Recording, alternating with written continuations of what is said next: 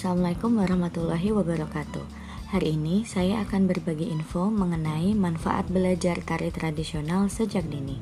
Banyak cara bagi orang tua untuk melatih mental dan kognitif anak sejak dini. Salah satunya adalah lewat tarian. Berikut manfaat mengajarkan anak menari sejak usia dini. 1. Membangun fisik anak. Menari secara teratur akan meningkatkan fleksibilitas tubuh, stamina pada anak, dan menurunkan berat badan bagi anak-anak yang obesitas. Pola gerakan dalam tarian melatih memori kinestetiknya. 2. Kematangan emosional. Menari adalah soal rasa. Menari melatih anak untuk mengekspresikan apa yang mereka rasakan dalam bentuk visual. Menari juga meningkatkan sensitivitas emosional anak sehingga anak menjadi lebih mudah dalam memahami perasaan orang lain. 3. Kesadaran sosial. Menari membantu anak dalam mengatasi rasa malu dan meningkatkan rasa percaya dirinya. Yang tak kalah penting, berlatih menari mengajarkan anak bagaimana bekerja sama dalam sebuah tim. 4.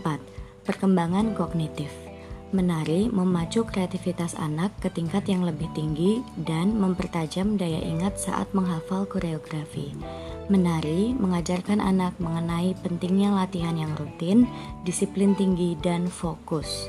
Hal ini terasa ketika anak berlatih menguasai gerakan, panggung, dan audiens saat pertunjukan. 5. Mengenalkan budaya bangsa.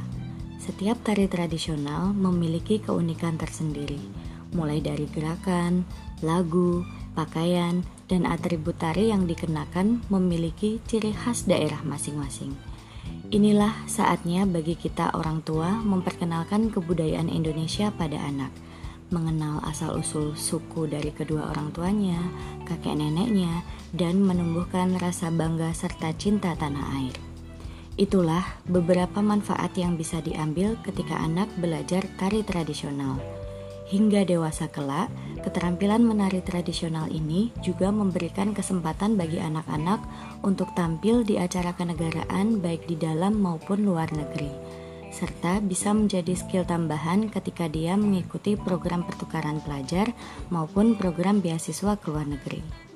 Terima kasih bagi teman-teman yang sudah mendengarkan podcast saya hari ini. Semoga bermanfaat bagi teman-teman semua ya. Wassalamualaikum warahmatullahi wabarakatuh.